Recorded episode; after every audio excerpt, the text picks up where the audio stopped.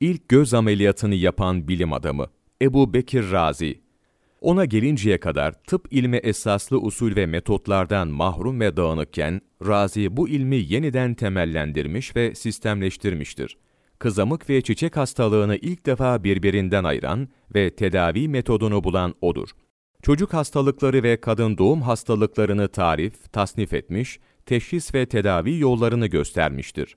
Tenasül yolları hastalıklarını incelemiş, ameliyatlarda ilk defa hayvan bağırsağını dikiş ipliği olarak kullanmıştır.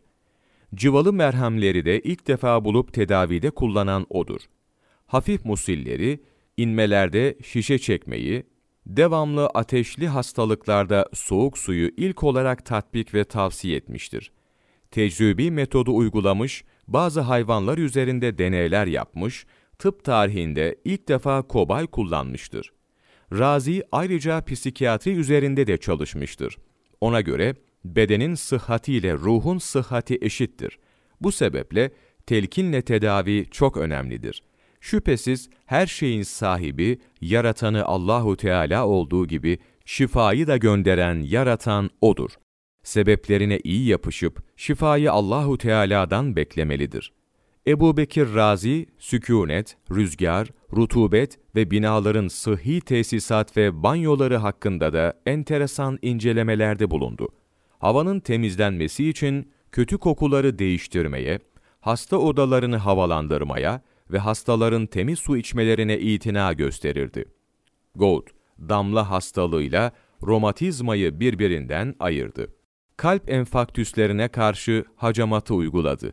Onun harika keşiflerinden birisi de böbrek ve mesanesindeki taşları ilaçlarla parçalatması veya ameliyatla çıkartmasıdır.